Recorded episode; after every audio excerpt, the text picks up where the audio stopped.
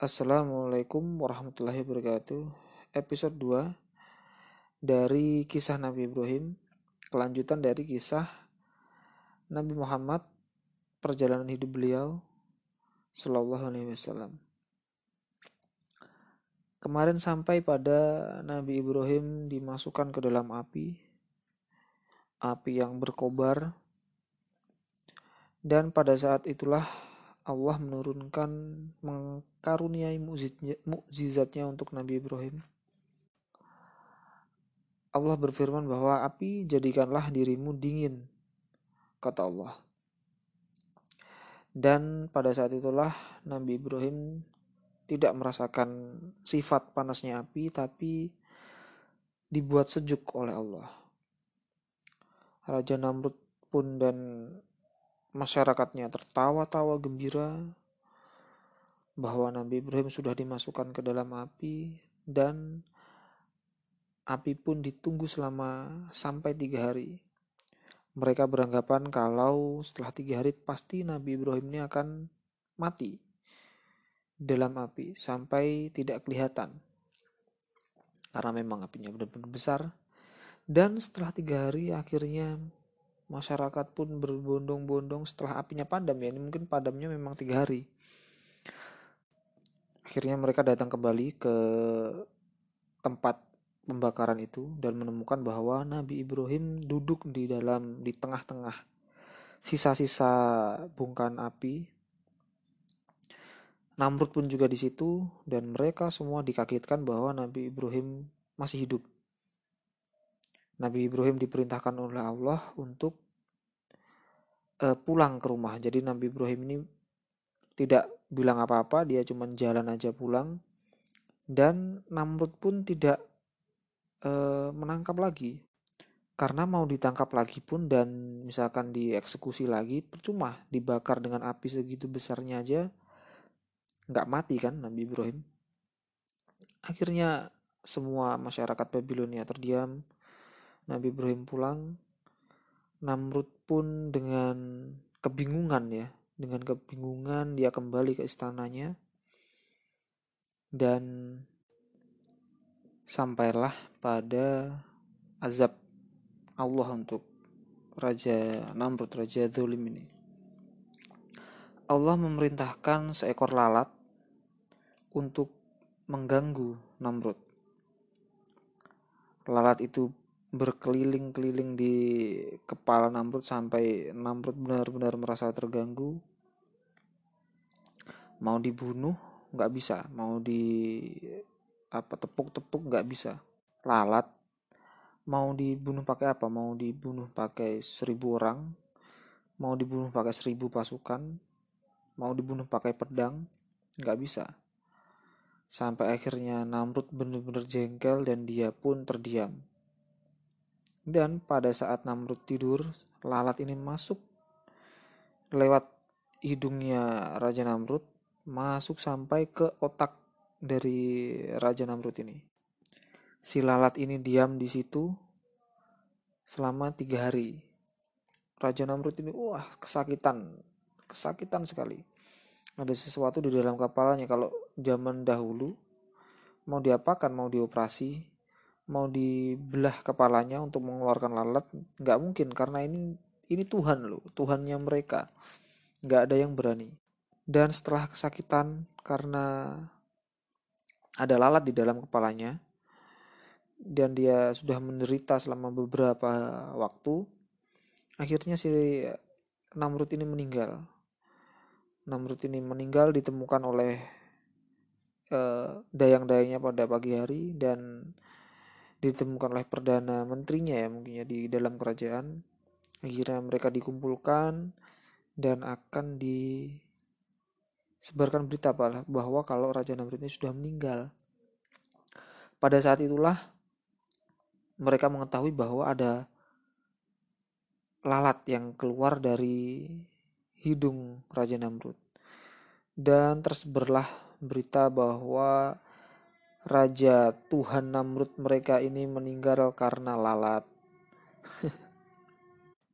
Dan akhirnya setelah beberapa waktu tibalah saatnya untuk Nabi Ibrahim ini diperintahkan Allah ya untuk berijah ke Palestina.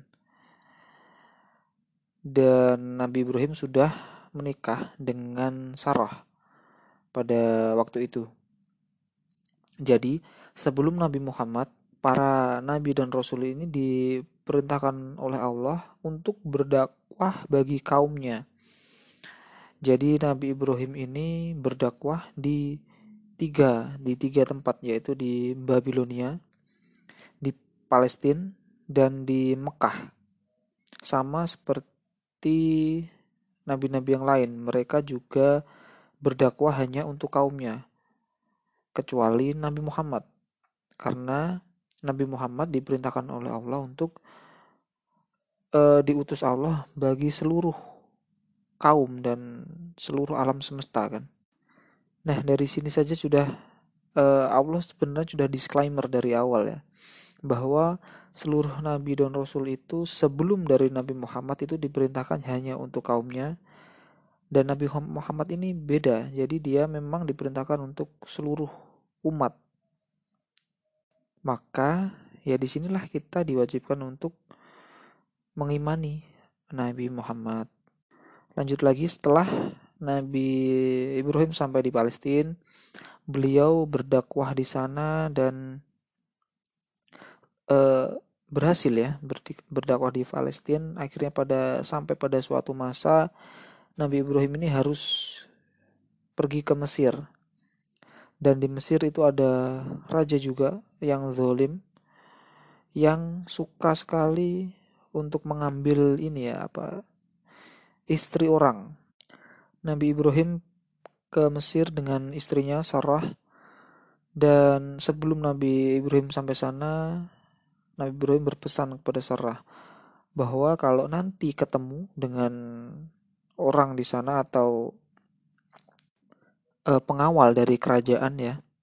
Bila ditanya dia ini siapa, uh, Sarah diminta menjawab kalau bahwa Nabi Ibrahim ini adalah saudaranya. Maksudnya adalah saudara ukuah ya, saudara dalam Islam. Akhirnya Nabi Ibrahim sampai dan betul akhirnya dan benar, Sarah pun akhirnya dibawa ke istana. Raja pun ini tergila-gila dengan Sarah karena kecantikannya. Sarah pun ditangkap, dimasukkan ke tempatnya Raja Dolim yang ada di Mesir ini. Si raja akan uh, memegang Sarah dan Sarah pun berdoa kepada Allah untuk menjauhkan dirinya dari raja ini. Akhirnya Allah membuat si raja ini itu uh, freeze ya kaku sekujur tubuhnya kayak stroke mungkin ya kalau sekarang stroke sekujur tubuhnya dan hanya bisa bicara. Akhirnya si raja ini tanya kepada Sarah apa yang kamu lakukan kepadaku? Sarah hanya bilang aku hanya berdoa kepada Tuhanku untuk tidak membiarkanmu menyakitiku. Akhirnya si raja ini bilang berdoalah lagi kepada Tuhanmu agar membebaskan aku. Akhirnya Sorah pun berdoa, si raja ini dibebaskan, si raja ini bisa bergerak lagi, hilang struknya, dan si raja ini berdusta tentu saja. Dia akhirnya mem, uh, mengejar Sarah lagi, sampai akhirnya Sarah berdoa lagi. Dan kejadian ini berlangsung sampai tiga kali, sampai akhirnya si raja ini benar-benar takut sama si Sarah.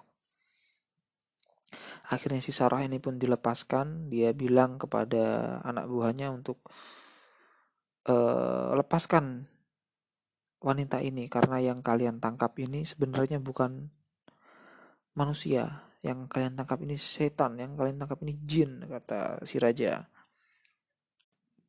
Dan akhirnya setelah raja ini ketakutan, Sorah dilepas oleh si raja Mesir ini tadi. Dan uh, si raja ini masih ketakutan. Dia takut bagaimana nanti kalau setelah keluar dari istana si Sarah ini berdoa lagi, dia bisa mati kan? Akhirnya si raja ini mencoba untuk mengambil hatinya si Sarah. Si raja ini memberikan salah satu uh, uh, budak terbaiknya. Ada yang bilang ada beberapa riwayat, ada beberapa sejarawan maksud saya yang bilang kalau uh, si budaknya ini sebenarnya adalah anak dari raja itu untuk mengambil hatinya si Sorah agar dia tidak uh, berdoa lagi kepada Allah untuk membuat raja ini stroke lagi kan. Wallahu alam tentu saja seperti itu sisanya uh, akhirnya diberikanlah salah satu budak terbagi dari raja ini yang bernama Hajar. Dari sinilah nanti Nabi Ismail lahir. Akhirnya Hajar ini ikut dengan Sarah dan Nabi Ibrahim sampai usia Sarah ini 60 tahun. Dan usia Hajar ini separuhnya, separuhnya dari usia Sarah berarti usia Hajar ini sekitar 30 tahunan. Pada waktu itu uh, Sarah mandul jadi nggak bisa punya anak dan Sarah paham akan keinginan Nabi Ibrahim bahwa pasti Nabi Ibrahim ini menginginkan seorang anak. Akhirnya saat itulah Sarah menghadiahkan Hajar kepada Nabi Ibrahim untuk dinikahi. Dan setelah berjalan waktu akhirnya Nabi Ibrahim setuju untuk menikahi Hajar dan Hajar menjadi istri kedua dari Nabi Ibrahim ya. Uh, setelah menikah dengan Hajar, akhirnya Nabi Ibrahim dikaruniai, dikaruniai seorang anak laki-laki yang sangat tampan yang bernama Ismail. Dan Sarah, seorang wanita, akhirnya sedikit cemburu oleh Hajar. Akhirnya Sarah pun berdoa kepada Allah, meminta bahwa dia pun ingin dikaruniai oleh Allah uh, dikaruniai anak dari Nabi Ibrahim. Akhirnya Allah mengabulkan doa Sarah. Allah pun mengutus kedua malaikatnya datang kepada Nabi Ibrahim. Malaikatnya ini menjelma menjadi seorang manusia dan malaikat ini diutus untuk dua hal ya sebenarnya yaitu untuk datang kepada Nabi Ibrahim dan datang kepada Nabi Lut. Karena yaitu tadi Nabi Lut dan Nabi Ibrahim ini sebenarnya satu zaman. Jadi Nabi Ibrahim ini di Palestina, Nabi Lut di Yordania. Eh di untuk masyarakat Yordania ini masyarakatnya Nabi Lut ini cukup meyakini ada nabi namanya Nabi Ibrahim juga di Palestina. Cuman untuk syariatnya itu mengikuti Nabi Lut karena nabi yang diperintahkan di Yordania itu di situ adalah Nabi Lut. Dan begitu pun sebaliknya. Masyarakat Palestina pun juga meyakini ada nabi namanya Lut, cuman mereka untuk syariatnya menjalankan syariatnya dari Nabi Ibrahim. Malaikat ini datang ke tempat Nabi Ibrahim dan memberikan salam. Nabi Ibrahim membalas salam kedua malaikat ini dan mem mempersilahkan untuk masuk dan segera menjamu kedua orang ini. Jadi Nabi Ibrahim ini terkenal bahwa dia ini sangat memuliakan tamu. Jadi uh, ada beberapa kisah yang menceritakan bahwa Nabi Ibrahim ini tidak akan makan uh, kalau tidak ada yang nemenin. Jadi siapa pun yang lewat di depan rumahnya itu akan dipanggil untuk diajak makan oleh Nabi Ibrahim. Nah, setelah kedua malaikat ini datang, tentunya Nabi Ibrahim berusaha untuk menjamu kedua orang ini. Padahal ini kedua orang yang nggak dikenal ya. Nabi Ibrahim memerintahkan istrinya Sarah untuk e, menyembelih sapi gemuk, sapi kecil gemuk untuk dihidangkan kepada kedua orang ini. Setelah e, masakannya jadi, Nabi Ibrahim pun menghidangkan dan Nabi Ibrahim dikagetkan karena kedua malaikat ini tidak mau memakan hidangan yang tentu saja semua orang pasti akan memakannya karena benar-benar lezat kan ya. Akhirnya Nabi Ibrahim pun takut. Dan malaikat ini pun akhirnya berkata bahwa Ibrahim kamu tidak usah takut karena aku adalah malaikat yang diutus oleh Tuhanmu untuk memberikan kabar gembira kepadamu. Dua malaikat ini bilang bahwa kalau Nabi Ibrahim akan dikaruniai anak dari Sarah.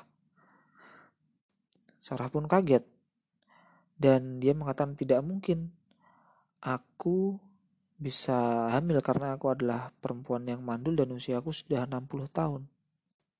Tapi begitulah kehendak Allah untuk Sarah dan Nabi Ibrahim. Dan setelah berjalannya waktu ada dua kejadian, yaitu lahirnya putra dari Sarah yaitu Nabi Ishak dan perintah Allah untuk membawa Hajar dan Nabi Ismail ke suatu lembah dan lembah inilah yang nantinya dikenal sebagai kota Mekah. Setelah tiba waktunya, akhirnya Nabi Ibrahim membawa Hajar dan Ismail kecil ke Mekah. Mekah pada waktu itu adalah sebuah lembah yang tidak ada penghuninya sama sekali. Jadi di sana itu benar-benar lembah yang ya benar-benar lembah dan padang pasir tidak ada uh, manusia yang ada di sana dan Nabi Ibrahim membawa istri dan anaknya ke sana untuk uh, mengikuti perintah dari Allah Subhanahu wa taala. Dari Palestina itu ke Mekah dibutuhkan waktu satu bulan ya untuk naik kuda tercepat pada waktu itu. Dan Nabi Ibrahim menggunakan unta, jadi bisa dibayangkan berapa waktu lama perjalanan beliau. Dan dalam perjalanan pun Hajar sebagai benar-benar istri yang solehah ya, tidak bertanya satu hal pun ini mau dibawa ke mana, ini saya mau ke mana suamiku enggak. Jadi dia benar-benar ngikut dan manut sama perintah Allah. Setelah perjalanan beberapa hari, akhirnya sampailah mereka di Mekah, di lembah itu. Tentunya Nabi Ibrahim sudah diberitahu sama Allah kenapa mereka dibawa ke situ karena sebenarnya Ka'bah itu dulu eh, sudah ada pondasinya di situ. Jadi Ka'bah itu sudah di, sudah dibangun dari zamannya Nabi Adam. Nabi Adam itu sudah membangun Ka'bah itu dengan anaknya yang sangat soleh yang bernama Nabi Syith. Dan hancur hilang karena terkena banjir pada zamannya Nabi Nuh. Karena banjir pada zamannya Nabi Nuh itu semua seluruh bumi itu kan dipenuhi oleh air. Jadi air itu keluar dari bawah dan juga keluar dari langit. Jadi yang tertinggal di lembah Mekah itu adalah eh, pondasi uh, pondasi dari Ka'bah. Makanya Allah memerintahkan untuk membangun lagi Ka'bah itu di situ. Dan setelah sampai di sana kita balik lagi Nabi Ibrahim tidak bilang apa-apa Nabi Ibrahim langsung pergi untuk meninggalkan Ismail dan Hajar Hajar pun akhirnya bertanya apakah kau akan meninggalkanku di sini Nabi Ibrahim hanya Jalan lurus sambil menangis tidak bisa menjawab. Hajar bertanya sampai tiga kali dan akhirnya Hajar pun bertanya seperti ini. Apakah ini perintah dari Tuhanmu dan Tuhanku? Maksudnya adalah perintah dari Allah. Nabi Ibrahim tidak bisa menjawab dan hanya bisa mengangguk. Maka Hajar pun benar-benar sebagai istri yang solehah dia merelakan. Dia ikhlas untuk ditinggal di situ. Akhirnya Nabi Ibrahim pergi dan Hajar ditinggal di situ hanya berbekal uh, air minum, air putih ya. Air putih yang ditempatkan di suatu wadah. Tentunya setelah beberapa waktu air pun habis dan Hajar pun kehausan, Nabi Ismail pun kehausan juga karena beliau masih berada dalam susuan ibunya. Akhirnya Hajar meninggalkan Nabi Ismail di tanah, benar-benar di tanah dan di uh, dilindungi oleh batu yang ditata oleh ibunya. Hajar berikhtiar untuk mencari air, dia pergi ke gunung. Dia pergi ke gunung, di situ ada gunung, ada dua gunung ya di Ka'bah ada bukit lah bukan gunung, ada Safa dan Marwah. Hajar pun lari-lari dari gunung Safa, dia lihat di Marwah ada air. Itu seperti kalau sekarang sih kayak Fata Morgana kemungkinannya.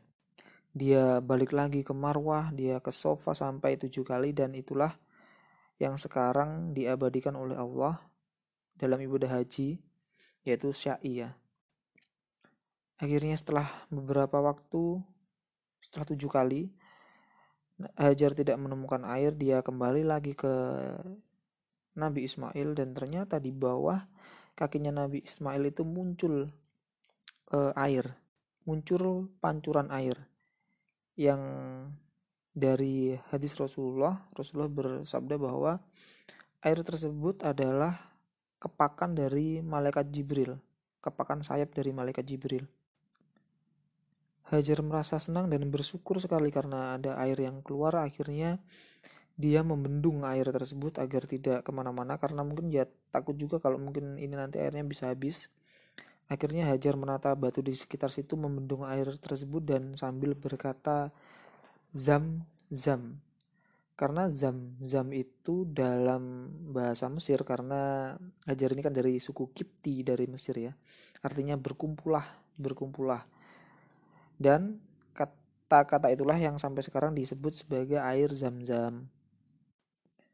Baik, kita tinggalkan dulu Hajar dan Nabi Ismail, kita beralih jauh dari sana yaitu ke kota Yaman, ya ini eh, kota dari suku asli Arab ya. Jadi suku asli Arab itu dulu beradanya hanya di satu kota ini di Yaman.